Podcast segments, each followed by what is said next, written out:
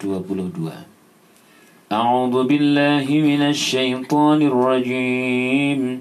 Bismillahirrahmanirrahim. سيقولون ثلاثة رابعهم كلبهم ويقولون خمسة سادسهم كلبهم رجما بالغيب ويقولون سبعة وثامنهم كلبهم قل ربي أعلم بعدتهم ما يعلمهم إلا قليل فلا تمار فيهم إلا مراء ظاهرا ولا تستفت فيهم منهم أحدا سيقولون bakal podo ngucap sopo wong akeh Ail mutanazi'una tegese podo persulayan. Persulayan. Persulayan apa? Perselisihan. Fi adadil fijati ing dalam itungane bocah nom atau itungane ashabul kahfi. Fi zamanin nabiyyi.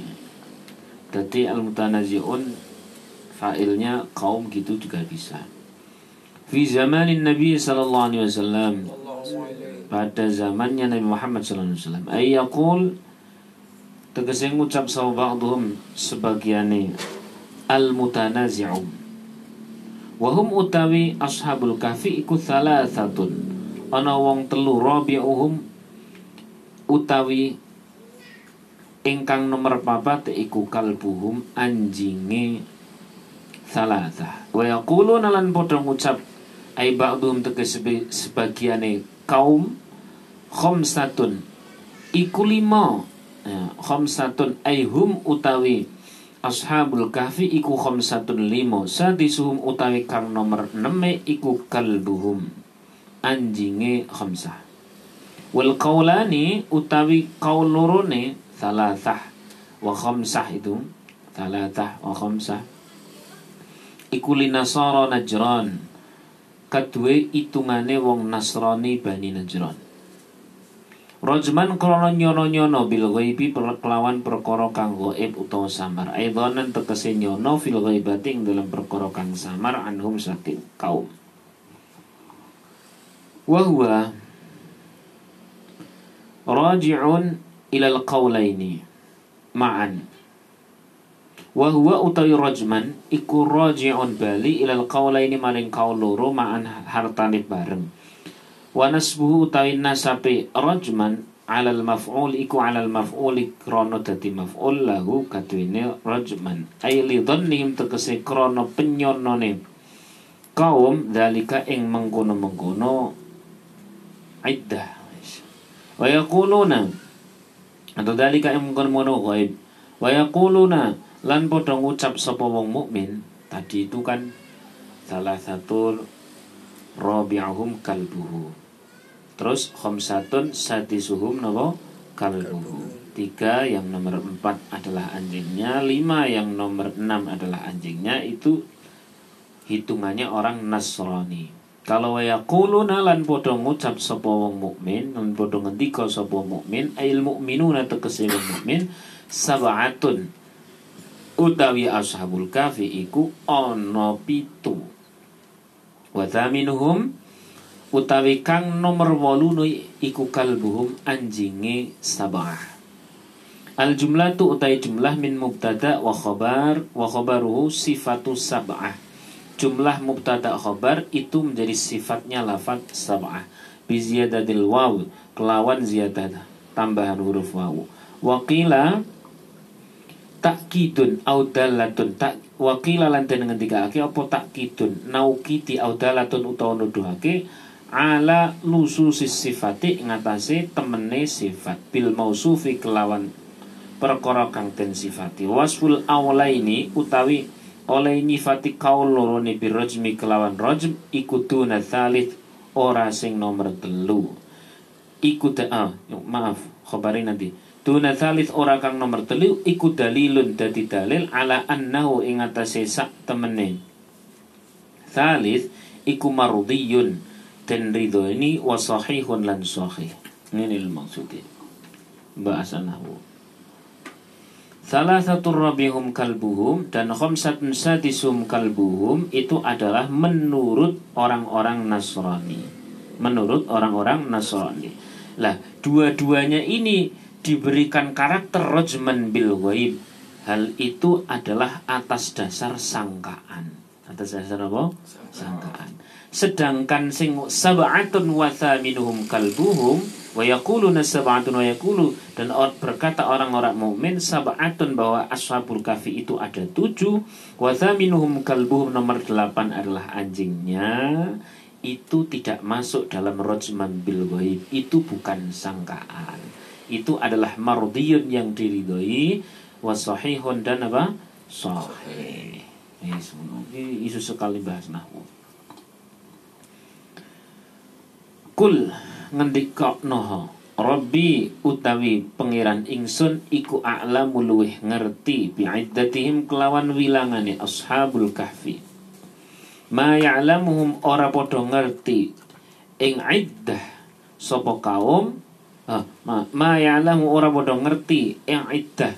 Sapa illa qalilun termasuk oh sapa illa qalilun kecuali atau angin wong sithik Kala Ibnu Abbas, kala ngendika sapa Ibnu Abbas, anak utawi ingsun iku minal qalili termasuk orang yang sedikit atau orang yang sekedik. Wadakarahum sab'ah. Dan wadakarahum dan wadakarolan nyebut sapa Ibnu Abbas hum utawi ashabul kafi iku sab'atun ono pitu. Ya, tidak ada yang tahu jumlah pastinya kecuali Allah Subhanahu wa taala dan kecuali sedikit orang. Siapa sedikit orang? Ibnu Abbas mengatakan aku termasuk yang sedikit. Jumlahnya itu ada tujuh. Ya, berarti yang nomor delapan apa? Anjingnya. Gitu. Tapi fala tumari fihim, fala tumari lan ojo podo paduton sopo siro. Aitu jadil tegesi podo paduton sopo siro. Jangan berdebat. Fihim ing dalam jumlah ashabul kafi. Fihim ing dalam iddatu iddah dia bisa. Illa miraan kecuali padutan padutan zahiran ana ing zahir. Zahiran ana ing zahir. Ai bima. Tegese kelawan perkara anzala kang wis nurunake alaika ing atas sira. Wala tastafti. Lan aja padha takon lan aja takon kok padha to. Lan aja takon tadi padha-padha ini dibuang karena ndak jamak. Wala tastafti lan aja takon sapa sira fihim ing dalam jumlah ashabul kafi ya fihim ing dalam iddah takon aitat lubu tegesi takon atau murih. Al fataya ing jum al fataya ing cahnom atau ashabul kafi takon-takon minhum saking ahlul kitab. Ay min ahlul kitabi tegesi saking ahlul kitab. Siapa ahlul kitab? Yahudi Nasrani. Ahadun ahadan ing wong siji wae. Dan jangan engkau bertanya tentang perkara-perkara ashabul kahfi terutama terkait jumlah ini. Jangan sampai bertanya kepada orang Yahudi Nasrani. Sebab mereka itu mempertentangkan jumlah itu sampai sedemikian serius. Padahal cari ini Gusti Allah fala tumari fim illa mira'an dhahira. Ora usah didebat sing jero-jero perkara ngono. Ya nek versi dari mukmin adalah tujuh yang nomor delapannya adalah anjingnya. Nah saya kira di bagian ini tidak usah ada keterangan macam-macam. Ya cuma gitu dok. Terus apa hikmah? Bisa dibaca apa hikmah uh, sampai sedemikian rupa kok dimasukkan di dalam Al-Quran pokoknya segala yang masuk dalam lafat Al-Quran itu kan pasti perkara besar tidak mungkin perkara ke kecil. Pasti perkara memiliki hikmah. Tidak mungkin kering dari hikmah. Pasti memiliki manfaat. Tidak mungkin lafat Al-Quran itu tidak mengandung manfaat. Nah, lalu manfaatnya apa kok sampai ada perdebat uh, masalah perselisihan ini kemudian disampaikan? Simpelnya ada banyak sekali hikmah di sana. Salah satu hikmahnya adalah nek menyampaikan menyampaikan saja, jangan kemudian terlalu suka berdebat kepada orang-orang yang dari ahli kitab.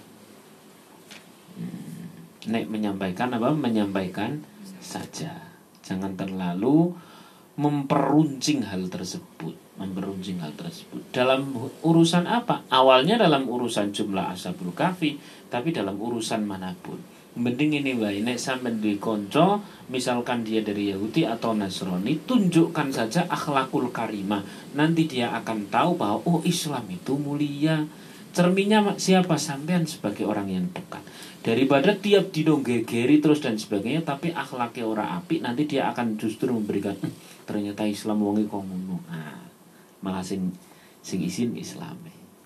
Ya, Islam sih tidak rugi tapi engkau yang rugi sebab mencoreng is Islam, kan gitu hmm. yes. dan apa hikmah hikmah apa lagi hikmah apa lagi selain perkara jumlah di dalam urusan-urusan seperti ini hikmahnya adalah wala tastaftifihim dan jangan engkau bertanya kepada mereka maksudnya apa pada saat kita melakukan pengajaran-pengajaran tentang perkara-perkara keislaman, maka referensinya jangan diambil dari sana. Referensinya jangan diambil dari sana. Tentu kecuali sedikit yang dibutuhkan dan jangan usah terlalu mer meributkan hal itu. Wis ya. Wala minhum ahada dan jangan engkau mencari tahu Nah di sini konteksnya memang ashabul kahfi mencari tahu tentang jumlah ashabul kahfi minhum dari mereka Yahudi Nasrani adan satu saja orang jangan. Yos ya pokok referensi kita Al-Quran. Referensi kita Al-Quran berikut dengan kitab-kitab tafsirnya. Yes. Saya rasa cukup ini ayat dan maknanya sudah mendalam. Tinggal dilakoni. Maka besok daripada debatnya debat kusir atau debatnya debat referensi tapi ayal-ayalan mending tunjukkan akhlakul Islam yang karimah yang mahmudah. Hal itu akan lebih mengambil hati orang tersebut daripada diri kita wah ketoi pinter orang karuan tapi jatuhkan terus nyakiti terus. Nah, tidak begitu. Jelas ya lanjut بسم الله الرحمن الرحيم ولا تقولن لشيء إني فاعل ذلك غدا إلا cara berhentinya di situ walaupun ini ayat Godan itu kan ayat ya kan Tapi cara berhentinya lebih baik dikata illa biar kita masukkan mustasnayat. Kenapa? Kalau tidak dimasukkan itu istisnanya pengecualiannya berarti terus waku artinya. Wala taqulanna li syai'in inni fa'ilun dzalika ghada dan jangan kau pernah mengatakan bahwa besok akan aku akan melakukan itu. Padahal tiap dino kan dhewe nek takoni besok meh ngopo? Ya meh kae. Esuk ngopo meh pasar? Esuk ngopo mengaji esuk meh ngopo uh, sampean besok Agustus selalu menikah ini menjadi larangan kan bahaya maka cara berhentinya di lafaz napa illa ولا تقولن لشيء إني فاعل ذلك غدا إلا dan jangan kau mengatakan bahwa besok kau akan melakukan ini kecuali kecuali apa lah ambekan di sini paham ya ambekan di sini kecuali apa ambekan di sini sebab ini ayat illa ayyasha Allah boleh di situ, berhenti di situ atau lanjut sekalian juga tidak apa-apa. Illa ayyasha Allah wa dhkur rabbaka idha nasita wa qul asa an rabbi li aqraba min hadha rasyada gitu beda maknanya. Wala taqulanna lan ojo padha ucap penan sapa sira. Li syai'in maring satu maring perkara. Ay li ajli syai'in tegese maring arai perkara. Ngucap-ngucap ini saat temene ingsun iku fa'ilun wong kang bakal wong kang bakal nglakoni. Ini fa fa'ilun wong kang nglakoni gitu aja. Zalika ing mengkono-mengkono perkara. Gotan ana ing dalam waktu sesuk. Ai fima tegese perkara yustaqbalu. Yustaqbalu kang den adepake apa? Ma zamani saking zaman. Illa ang illa ayyasha'a. Angin. Illa ayyasha'a. Angin yen to ngersakake sapa Allah Gusti Allah. Ai illa multabisan. Tegese angin uh, apa melibatkan ulah ya wis lah. Nah, melibatkan. Bimasyiatillahi kelawan kersane Gusti Allah atau oleh ngersakake Gusti Allah taala bi antakula kelawan yen to ngucap sapa sira ngucap-ngucap insyaallah ing lafat insyaallah. Jadi kalau kita besok akan melakukan sesuatu jangan pernah hanya melakukan men, menggunakan kata akan tapi tempel di sana sebuah kesadaran, awareness, sebuah uh, pemahaman bahwa yang besok itu akan terjadi atau tidak akan terjadi adalah atas kuasa siapa? Allah. Nah, karena ada keterlibatan Allah 100% inilah tempelkan satu lafat sebagai simbolistik akan kepercayaan kita pada Allah menggunakan kata insya Allah. Simbolnya begitu. Jadi simbol insya Allah itu adalah simbol sebuah keyakinan bahwa diri kita itu esok milik Allah bukan simbol muni insya Allah kui gue gawe muni ora tapi pen pantas pantas. Terus mungkin aku ya insya Allah insya Allah ora. Paham Jadi insya Allah hari ini itu kan untuk menyelamatkan diri dari janji yang terlalu berat. Nah,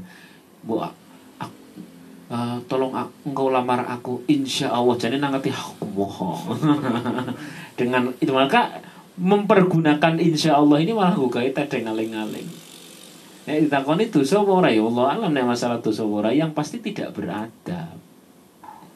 Hmm, paham ya?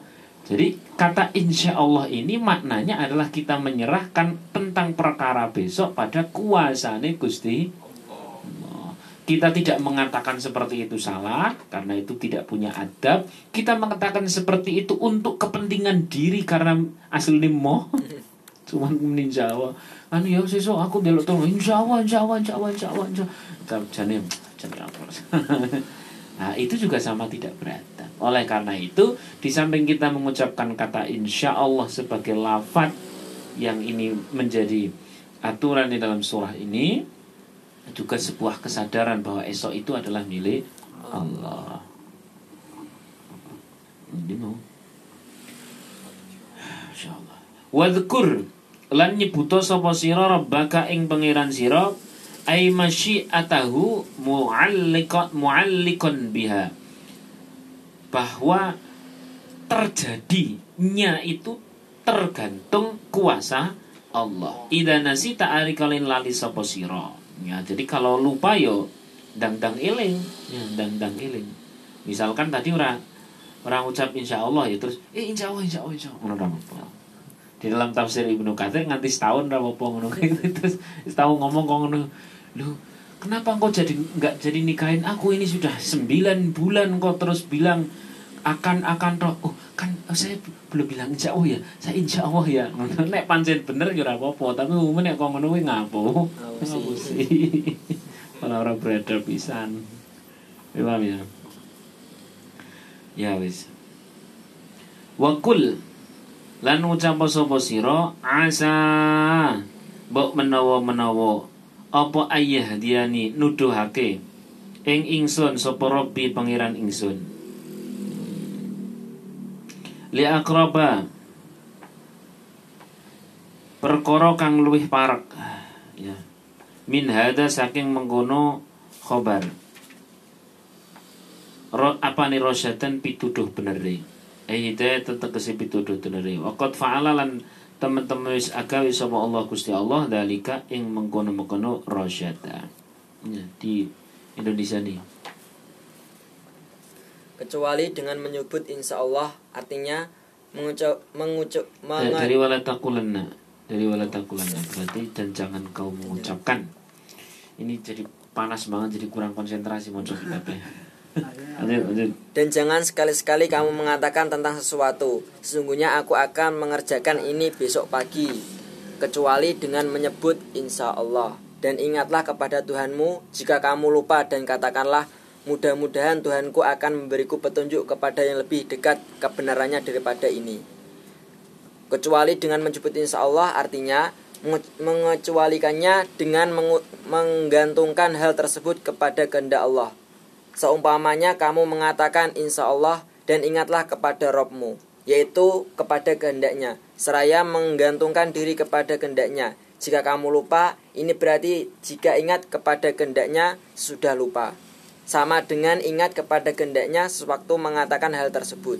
Hasan dan lain-lainnya mengatakan, selagi seseorang masih dalam majelisnya dan katakanlah mudah-mudahan Robku akan memberiku petunjuk kepada yang lebih dekat daripada ini yaitu berita tentang Ashabul Kahfi untuk menunjukkan kebenaran kenabianku kebenarannya yakni petunjuk yang lebih benar dan memang Allah memperkenankan hal tersebut ya ini saya tadi bacanya agak rotok kleru-kleru kurang. Tapi baca secara secara kitab kuningnya nek maknanya yang jawab benar langsung saya terangkan saja. Soal panasan gini. Ini ada beberapa kisah di sini. Salah satu kisahnya tentang betapa uh, tidak beradabnya orang tidak mengucapkan insya Allah pada saat mengatakan saya akan harusnya ketika saya akan itu harus disertai dengan insya Allah tentu contoh-contoh itu adalah para nabi. Ya. Kalau dari Nabi Muhammad SAW, pure pasti baik. Nah, demikianlah kalau dari nabi-nabi yang sebelumnya ya sebenarnya baik, tapi salah dulu baru diingatkan. Sebenarnya bukan karena salah, tapi Allah Subhanahu Wa Taala mau menjadikan itu sebuah ilmu bagi orang-orang kemudian. Jadi kalau ada nabi kok keliru, sebenarnya bukan keliru. Ya paham ya? Nabi bukan bukan keliru ini akan menjadi ilmu bagi uh, generasi berikutnya. Dalam hal ini adalah Nabi Sulaiman alaihissalam. Dalam Ibnu Katsir disebutkan demikian. Bahwa Nabi Sulaiman alaihissalam, Nabi Sulaiman ibni Daud alaihissalam itu pernah berkata, tak artikan, saya akan menjima atau menggilir istri saya ala sab'ina mra'atin uh, 70 70 istri wa fi riwayatin tis'ina dalam riwayat yang lain adalah berapa tis'in? 90 wa fi riwayatin mi'ah. Berarti serah 100 100 istri. Saya akan menggilir 100 istri dalam satu malam. Yang masing-masing kula mra'atin minhun hulaman yang dari setiap istriku itu nanti akan melahirkan seorang anak pria. Yuqat fi sabilillah. Yang nanti akan berjuang di jalan Allah. Tapi lupa tidak mengatakan apa? Insya Allah maka dari 100 istri itu tidak ada satupun yang lahir kecuali ya satu itu pun cacat. Nah ini sebagai bentuk peringatan bahwa uh, kalau mengatakan tentang sesuatu yang akan terjadi jangan sampai lepas dari kata insya Allah. Waqat taqaddama fi awali surah. Sebenarnya sudah dari awal ini dari Ibnu Katsir sebenarnya sudah sejak dari awal uh, turunnya ayat ini, turunnya surah Al-Kahfi ini masih ingat ya? Kita pernah bahas siapa namanya? Nadhr bin Harith itu ya, Nadhr bin Harith dia datang kepada pemuka-pemuka Yahudi Nasrani untuk mengatakan kata-kata kunci yang dapat ditanyakan kepada Rasulullah agar Rasulullah itu tidak bisa menjawab. Nah, kira-kira aku tak konopo yuk. Pen Muhammad itu jawab. Nek pancen ora iso jawab berarti Nabi abal-abal. Nek iso jawab hebat. Berarti Nabi tenanan. Takon apa ya? Takon apa ya?